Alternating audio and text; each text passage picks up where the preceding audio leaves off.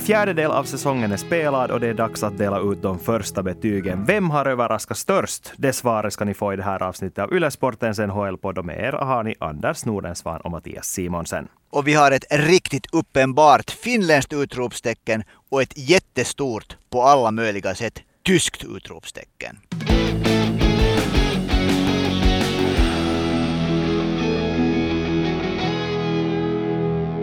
Vi ska kanske börja med att avslöja en liten grej så här bakom kulisserna av det här programmet. För det är nämligen så att vi brukar snacka ihop oss ungefär samtidigt som vi kollar upp också vad ni har skickat in för frågor hit. Och ibland händer det sig att eh, vi får en idé som vi tycker att okej, okay, det här ska vi snacka om den här veckan. Och så får vi en fråga som faktiskt ber oss att göra exakt samma sak. Så great minds think alike. Det gäller verkligen också den här veckan då både Anders Nordensvan och Jan-Anders tyckte att vi ska snacka om säsongens hittills största överraskare. Det är vi ju väldigt gladeligen. För det finns ju framförallt ett finländskt namn som vi måste diskutera i så fall. Jag först måste säga att jag är alltid överraskad att man kopplar mig ihop med uttrycket great minds, men det får, det får du stå för. Det där Mikael Granlund, det är killen som vi verkligen måste lyfta fram. En spelare som många kanske hade tänkt att redan gjort sina bästa år i NHL, gör för tillfället sin absolut bästa säsong någonsin. Mm. Och vad skulle du lyfta fram som den största orsaken till det här? Jag vet, du har nämnt det här redan i din kolumn som hittas på svenska.yle.fi sport, men för de som inte har läst den, så vad skulle du lyfta fram som den här stora, den här stora orsaken bakom Granlunds nya formtopp? Om jag måste lyfta fram en orsak, då finns det bakgrunden att han är en förbaskat bra ishockeyspelare. En orsak som, som jag tycker är den viktigaste är att uh, Nashvilles tränare John Hines litar på Mikael Granlund, ger åt honom stora minuter låter honom spela så mycket i princip han bara orkar i alla olika lägen, alla olika situationer, powerplay, boxplay och såklart fem mot fem. Och det tror jag att som så ofta så är det förtroende som är nyckeln. Mm. Men det finns också ett visst positionsbyte där som vi måste tala om när vi talar om Mikael Granlund. För det är ju så att han spelar inte längre på kanten, han är en center i det här laget. Ja, det, och det passar ju honom helt otroligt bra i Nashville. Han kom ju till NHL som center från IFK. I Minnesota tyckte man att han inte, att han inte liksom att centerrollen inte var den optimala för honom. Man flyttade ut honom till kanten och där fick han också spela i Nashville. Men det har det där, det är sant att han blommar ut alldeles otroligt mycket nu när han får spela som center. Sen ska vi komma ihåg också att det har att göra säkert också lite med vem han spelar med. Nu spelar han ju i samma kedja med Matt Duchene som också egentligen en center, men i den här kedjan så är det Granlund som har i princip den här, speciellt centerns defensiva roll. Det här liksom tycker jag att det är en sån här bra blandning, att Duchene och han passar jättebra ihop. Mm, det här är ju inte första gången, för alla er som har lyssnat på den här podden sedan den första säsongen när vi körde igång, så är det här ju inte första gången som vi diskuterar Mikael Granlund på centerpositionen. Och nu är det så Anders, jag vill spela upp ett klipp av hur det lät när vi senast snackade om det här. Han är kreativ med pucken, han är solid defensiv och framförallt just på grund av det, att det där försvarsspelet som han har visat att han faktiskt grejar nu för tiden. Så det får mig att fråga att om det inte skulle vara bättre för honom att flytta tillbaka till center och eventuellt få den här chansen i något lag som behöver en andra center. Och då vill jag igen lyfta fram Winnipeg Jets, för hur, hur optimalt skulle det inte vara? Det, det är jätteintressant. Han har nu spelat de, de senaste åren för det nästan hela tiden på kanten och hans, hans, liksom, hans uh, medvind i, i Minnesota börjar ju egentligen när de konstaterar att nu flyttar de honom ut på kanten istället för att vara center. Men han har ju en, en det där centerspelsyn och han är, han är som du säger, han är liksom defensivt pålitlig och han är, har jättebra spelsyn, han är bra spelfördelare. Så det skulle vara intressant nog att se honom som center ännu. På något sätt så har jag svårt att tro att, att Winnipeg Jets beslutsfattare ser honom som en center. Och nu ska jag kanske igen avslöja lite bakom kulissen, för det där lät ju ändå som att du var för den här idén. Men när vi snackade på tummanan så var du väldigt kritisk till den här superidén som jag hade, att Granlund skulle göra comeback som center. Alltså, har du något bevismaterial på det här Mattias? Nej, jag ska, jag ska, det där, jag ska medge att jag faktiskt, jag faktiskt det där sällar mig till den gruppen som, han, som trodde lite att när det en gång att när han en gång har tappat den här rollen som center så det där får han, får han inte en på nytt. Ja, också när jag har tittat på hans spel så har jag liksom, eh, hans största, två största svagheter är ju det att han inte speciellt storvuxen, om man inte är speciellt storvuxen måste man vara jättesnabb på skridskorna. Han är ju inte jättesnabb på skridskorna på något sätt. Och liksom jag tänkte att, att som center så det där kan det här bli eh, eh, en svår ekvation att lösa. Men nu helt tydligt så det där Mikael Granlund har bevisat att, det där, att jag har tänkt helt fel. Mm. Men jag tror ändå att det kan ha någonting att göra med det där att de faktiskt är två centrar i den där kedjan. För att mm, det är någonting som jag tycker att har blivit lite vanligare nu i NHL på, under de här senaste säsongerna. Just att man sätter två centrar i samma kedja. Där, där ska vi säga, formationen på isen blir kanske lite mer flytande. Det är inte alltid den här spelaren som tar teckningarna som är den, den som spelar som center. Så när de tar in pucken i offensiv zon till exempel, eller det sättet som de ställer om till försvar. Eller håller du med? Jo, jag håller med dig. Jag håller med dig. Det är definitivt på det, det viset att det där att många kedjor, många lag som det blandas om ganska friskt med det här. Ett lag som nu tänker på till exempel, som ett annat exempel om vi ser på, på det där på Colorado Avalanche, så, så nu, är, nu är ju Nathan McKinnon borta. Men där har det ju ofta varit på det sättet att egentligen så är det stora delar av den rollen som, som centern haft i Colorado som egentligen Gabriel Landeskog har har haft, fast han inte är en center. Så det är, det är definitivt är det helt tydligt så att, att man delar på ansvaret ofta. Och det kan ju också vara så att det, då, att det kan vara liksom så att, att, att om det är en spelare som är utpräglat bra som en offensiv center så är den här spelaren inte, inte kanske alltid så bra som defensiv center. Och då funderar tränaren nu för tiden på att kan man liksom på något sätt göra en kombination. Eller så har jag nu uppfattat det. Mm. Och så kan vi inte heller sticka under stol med att Nashville inte har en värst namnstark trupp. Att det att Mikael Granlund nu är den här stora första centern där så handlar väl kanske mer om att det inte finns någon annan som ska få de här stora friheterna i sitt spel som Granlund just nu får. Alltså det som, det som stöder Mikaels Granlunds äh, spel tycker jag också är Nashvilles spelstil. För att han är det där, det är ju ett på ett sätt hemskt disciplinerat sätt att spela. De jobbar jättehårt över hela isen och håller sig som en ganska tät femma om de ska vinna matcher så måste de så att säga jobba nästan mera än, än motståndaren och, och spela uppoffrande. Och det är någonting som liksom passar helt som handen i handsken när det gäller Mikael Granlunds sätt att, att, att spela ishockey. Men vi har faktiskt fått in en fråga också, på tal om Great Mind Things Alike, så har vi fått in en fråga om Mikael Granlund uttryckligen. Anton undrar om han får den uppskattning som han eventuellt skulle förtjäna. Eh, ja, no, det är eh, också en bra fråga. Jag tror att han får, det, jag tror att han får den i Finland. Men det, där, det är nog på det sättet tycker jag en, en, det där, en fråga som är befogad. För att om man tittar på, på det där matcher och hör det lokala referatspåret där så är det nog hemskt mycket Duchene de snackar om när, när den kedjan är inne. Men det, det, är väl också lite så att Duchene kom in som det stora namnet. Han ska vara den här stora stjärnan. Också Granlund kanske är lite en sån där som alltid har funnits där och flugit under radarn. Och, och som du sa ändå för över ett år sedan så är det ju kanske en stämpel som är ganska svår att tvätta av. Men, men det där samtidigt så nu, nu det där märker man nog att det är många som har fått upp ögonen för att, för att Mikael Granlund spelar väldigt bra ishockey och för att han för tillfället har, har gjort en poäng, snittar en poäng per match och då är det faktiskt en fjärdedel redan som är spelad och ligger bland de, ja, han, förra veckan bland de tio bästa centrarna i, i det där i NHLs poängliga. Men då är det kanske den stora frågan, kommer det här flytet att fortsätta? Är det här en spelare som vi till exempel ska vänta oss att ta en ganska stor roll i Lejonens OS-lag? No, Mikael Granlund är nog en så mogen spelare. Jag tycker att han nu har hittat sig själv och han har traditionellt så har han ju varit en spelare som är som bäst egentligen när det börjar att gälla mycket. Så det där, jag skulle säga att eh, jag svarar jo på, för min del på båda de här frågorna. Jo, jag tror att, att han nog kommer att hålla en hög nivå ifall han inte skadar sig. Och jag tror definitivt att han kommer att vara en mycket mycket, mycket viktig spelare i, i Lejonens OS-lag och en av de spelarna som kommer att ha det där någon sorts kaptensmärke på tröjan. Jag måste bara lyfta upp här att det där, det där klippet som jag spelade upp här tidigare, så det kom alltså från ett snack där vi diskuterade slutspelets största besvikelser och det var du som lyfte fram Granlund där. Så att säga att han inte viker sig när pressen blir större, kanske lite att ta i. Men okay, nej, nu ska jag sluta dissa dig och dina åsikter. för, för det där, ja, jag tror faktiskt som du och jag på något sätt hoppas lite det också för att han just för att få ens den här ena riktigt, riktigt superbra säsongen så skulle det liksom sitta bra för grannen att få den just nu. Med tanke på att resten av den här centraldivisionen, framförallt mycket, mycket av, av den resten av västra konferensen också, men framförallt här i centraldivisionen finns det ganska många frå stora frågetecken kring de flesta lagen. Och jag tror att det skulle finnas till och med en slutspelsplats att ta om allt går riktigt, riktigt bra om Nashville ska nå slutspel så är det nog, det är nog en tuff spurt. Det är tufft liksom. Det, det, krävs, det krävs, förutom att Mikael Granlund gör jättebra ifrån sig, så krävs det att Jose Saros stiger till samma nivå som var förra vintern. För precis som du sa så, så liksom, det finns inte den här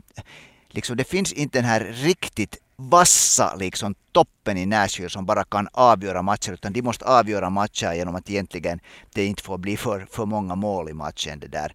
Och, och om man tittar på de lagen nu som är inom i, i slutspel från västra, västra konferensen så det laget som jag nu på något sätt tror att i något skede börjar dala ner därifrån är Anaheim. Så, så det där. Men det är nog, om de inte gör det så blir det nog tufft för, för Nashville att gå till slutspel, tippar nu jag.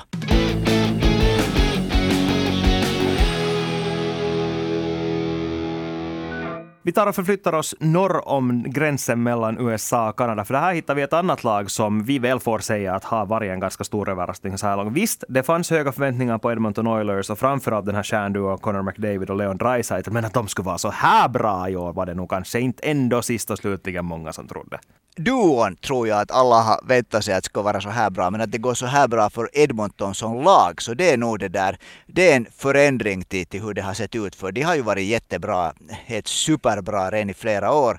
Men det där nu att Edmonton vinner, vinner, vinner matcher, så det där, det är en ny grej. Det är kanske värt att lyfta fram här hur bra de egentligen är. Och de har tangerat näst bästa segerprocent i hela NHL tillsammans med Washington Capitals. Det är bara Carolina Hurricanes som har bättre just nu.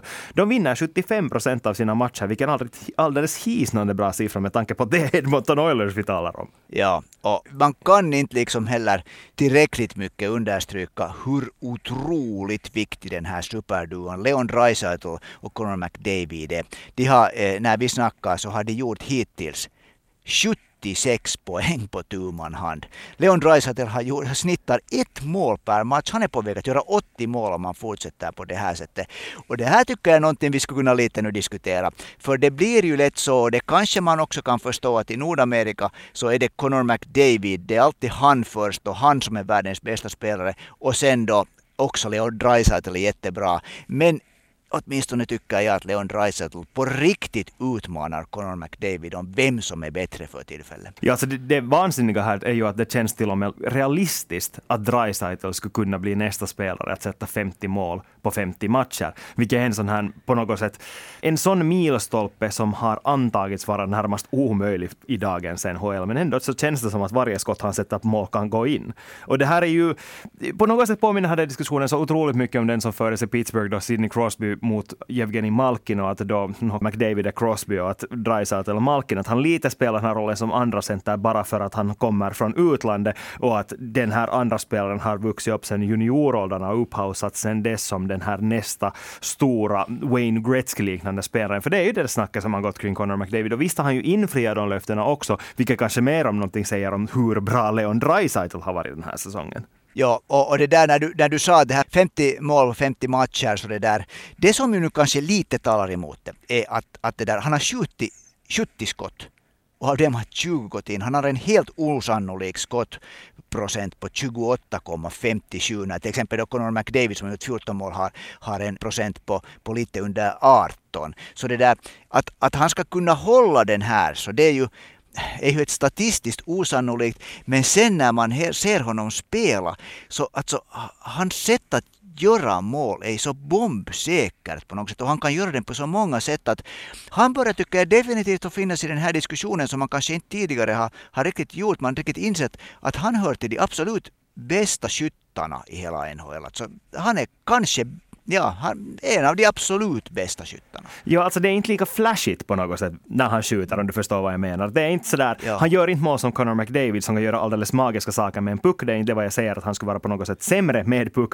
Tvärtom kanske till och med fortfarande. Men jo, jag håller med. Alltså Dreisaitls skott är ju alldeles otroligt bra. På något sätt känns det som, om vi ska ta en finländsk parallell här, så är det lite som att säga att eh, att Mikko Rantanen och hans skott kom lite från skymundan i jämförelse med Patrik Laine. Det var på något sätt med Patrik Laine visste man om att jo, han har det här magiska skottet, det är han som är målskytten. Men samtidigt skulle jag nu våga påstå att Mikko Rantanen är faktiskt väldigt mycket bättre på att sätta mål just nu åtminstone. Alltså ja, det var en bra jämförelse. Rantanen är definitivt den bästa finländska skytten i NHL för tillfället och det där och ingenting bort från Patrik Laine som har ett helt fantastiskt, fantastiskt skott. Men Mikko Rantanens skott är helt otroligt. Om vi kollar ännu lite på det här Dreisaitl och McDavid och jämför så det som jag tycker är intressant också att, att Dreisaitl leder då poängligan. Han har fyra poäng mer gjorda än, än McDavid. Men han är också den som är i fem mot fem spelet leder hela äh, ligan. Han har gjort 18 poäng 12 plus 6 i 5 mot 5 spelet. Så 12 av sina 20 mål har han gjort i 5 mot 5. Medan då när Conor McDavid faktiskt är bara, bara och bara, men han är bara femma i, i poängligan i NHL om man tittar i, i spel 5 mot 5. Mm, det är ändå lite roligt att man kan faktiskt använda ordet bara femte. Nej men oavsett, alltså, det, förstås med Leon Draisaitl har man jättelänge också talat om att han är den här vapendragaren, att han är den som spelar vid Conor McDavids sida och det är därför som han har många poäng. Men nu ska vi inte heller glömma det här att det här är också något som vi har snackat om lite tidigare. Det är ju så att Edmonton gör så att på hemmais så spelar de tillsammans mycket, men på bortais så spelar de som, som första och andra center. Så inte det är alltid så att de spelar tillsammans, framförallt inte i fem mot fem. Ja, frågan är vem som drar mera nytta av, av vem i, det, i, det, i den liksom mm, mm. kombinationen. Mm. Och, och så är ju alltså, det som är också intressant att när det gäller att, att ta liksom teckningar i egen zon. Så där är faktiskt äh, Dreisaitl, han är sexa i hela NHL. Han har 20, 222 teckningar i egen zon.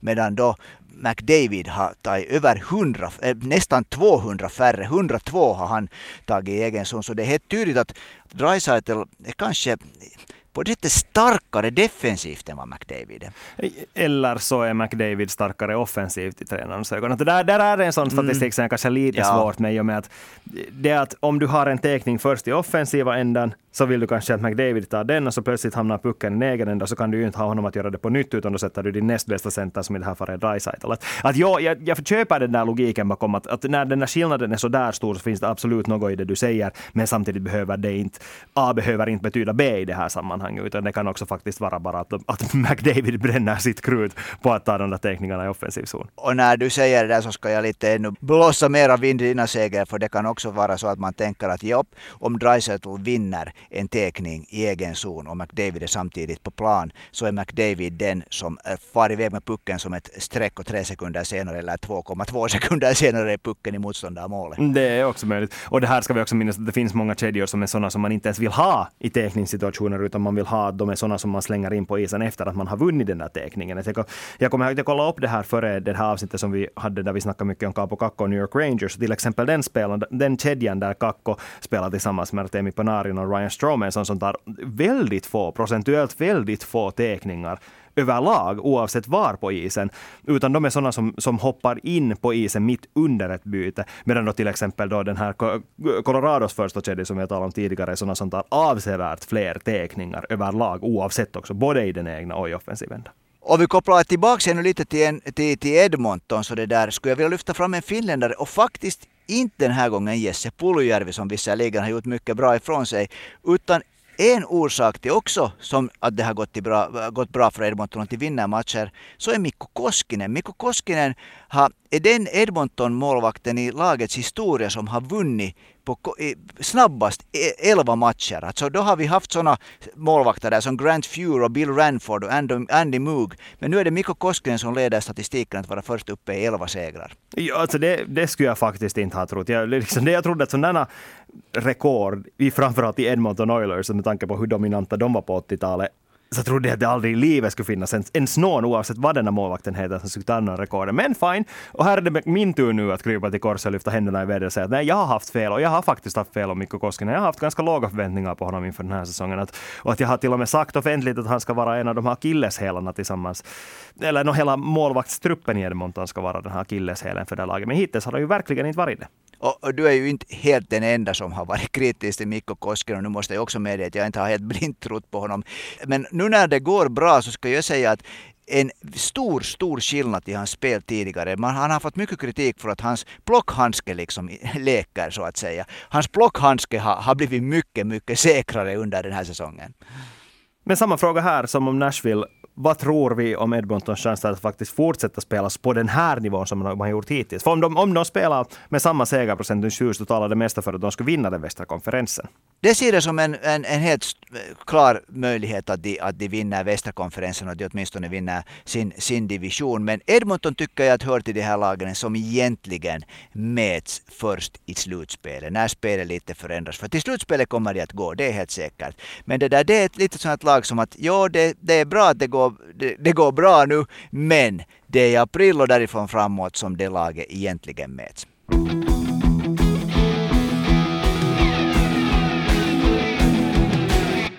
Men om vi då ska rikta blickarna mot sådana som kanske inte har överraskat värst positivt, så finns det ett namn som åtminstone i mina ögon har börjat lysa, eller som har börjat sticka ut som ett som no, inte kanske jag skulle säga att det har varit en så jättenegativ överraskning, men som kanske, kanske många andra börjar klassa som en besvikelse så här långt. Och det är Carolinas Teuvo Teräväinen. För hittills har han inte noterats för nära heller lika många poäng som Sebastian Aho. Nej, no, han har ju det där nog oftast, eller egentligen alla år, så, så det där, kanske förutom det första så har ju nog Aho varit, varit det där bättre än Teo Teravainen. Teo Teravainen brukar landa där på mellan 60-65 poäng och vad jag nu har för mig så ser det ut som han igen skulle vara på väg dit. Men det där, jag tycker nog att jag har sett väldigt mycket på Carolinas matcher. Jag, jag måste säga att det där, det är bra att du sa att du inte nödvändigtvis tycker på det sättet. För det där, jag skulle nog säga att människor som nu kritiserar Teo Teräväinen har kanske inte tittat jättemycket på Carolinas matcher. För han är liksom, Rod Brindamore har ett hemskt stort förtroende för Teo Teräväinen och han används lite som ett sånt här plåster att när det är någonting som inte fungerar så slänger han in Teo Teräväinen dit. Jag tycker nog att han är på samma nivå som han har varit tidigare. Tycker jag nog. Eller så uppfattar jag det. Nej, alltså jag tror också att det här handlar nu mer än någonting annat om vad förväntningarna har varit inför säsongen och vad förväntningarna höjs till med tanke på hur bra laget spelar, till det var just hans verkliga poängsaldo då framförallt. För helt krasst är det ju så att man talar om poängsaldo, det är på det sättet som man jämför de här spelarna sinsemellan och talar om vem som har lyckats och vem som inte har lyckats. Så inte tittar man ju så mycket på det där att om han går in i en, i en tredje kedja och gör att de spelar på ett sånt sätt som inte nödvändigtvis resulterar i poäng, men som ändå resulterar i att laget försvarar till exempel bättre, undviker baklängesmål och vinner matcher. Det är det som Rod Brindamore bryr sig om, det är antagligen det var Teo Teräväinen också bryr sig om. Och resten av Carolina Hurricanes bryr sig om. Inte bryr de sig om vad, vad Teräväinens personliga poängsaldo är så länge som laget fortsätter att vinna. Och, men samtidigt så ja, förstås, om förväntningarna samtidigt är att han ska vara radarpar med Sebastian Aho tillsammans med honom stå för närmare 100 poäng per säsong så kan jag förstå att det här är en besvikelse. Ja, det här är lite... Jag förstår myntets båda sidor så att säga. Det, det blev inte sagt ännu, men han har alltså så här långt stått för 14 poäng på 20 matcher och de här poängen har 7 kommit i powerplay, så man kan nu dra sina slutsatser av de här siffrorna om man vill. Ja, no, det där tyder ju på att han kommer att bli under 60 poäng, så på det sättet så, det där, så är, det, är det befogat att poäng, poängmässigt åtminstone det där kritisera honom lite. Men det där, han har nog, det är nog jätte ska vi säga, det, det är synd att man inte får tredje passningar i NHL tycker jag. det är sant.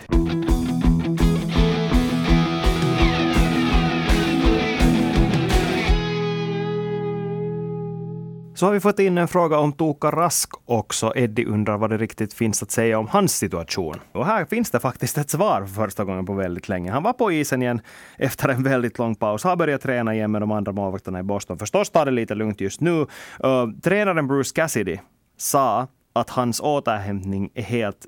Den går enligt plan.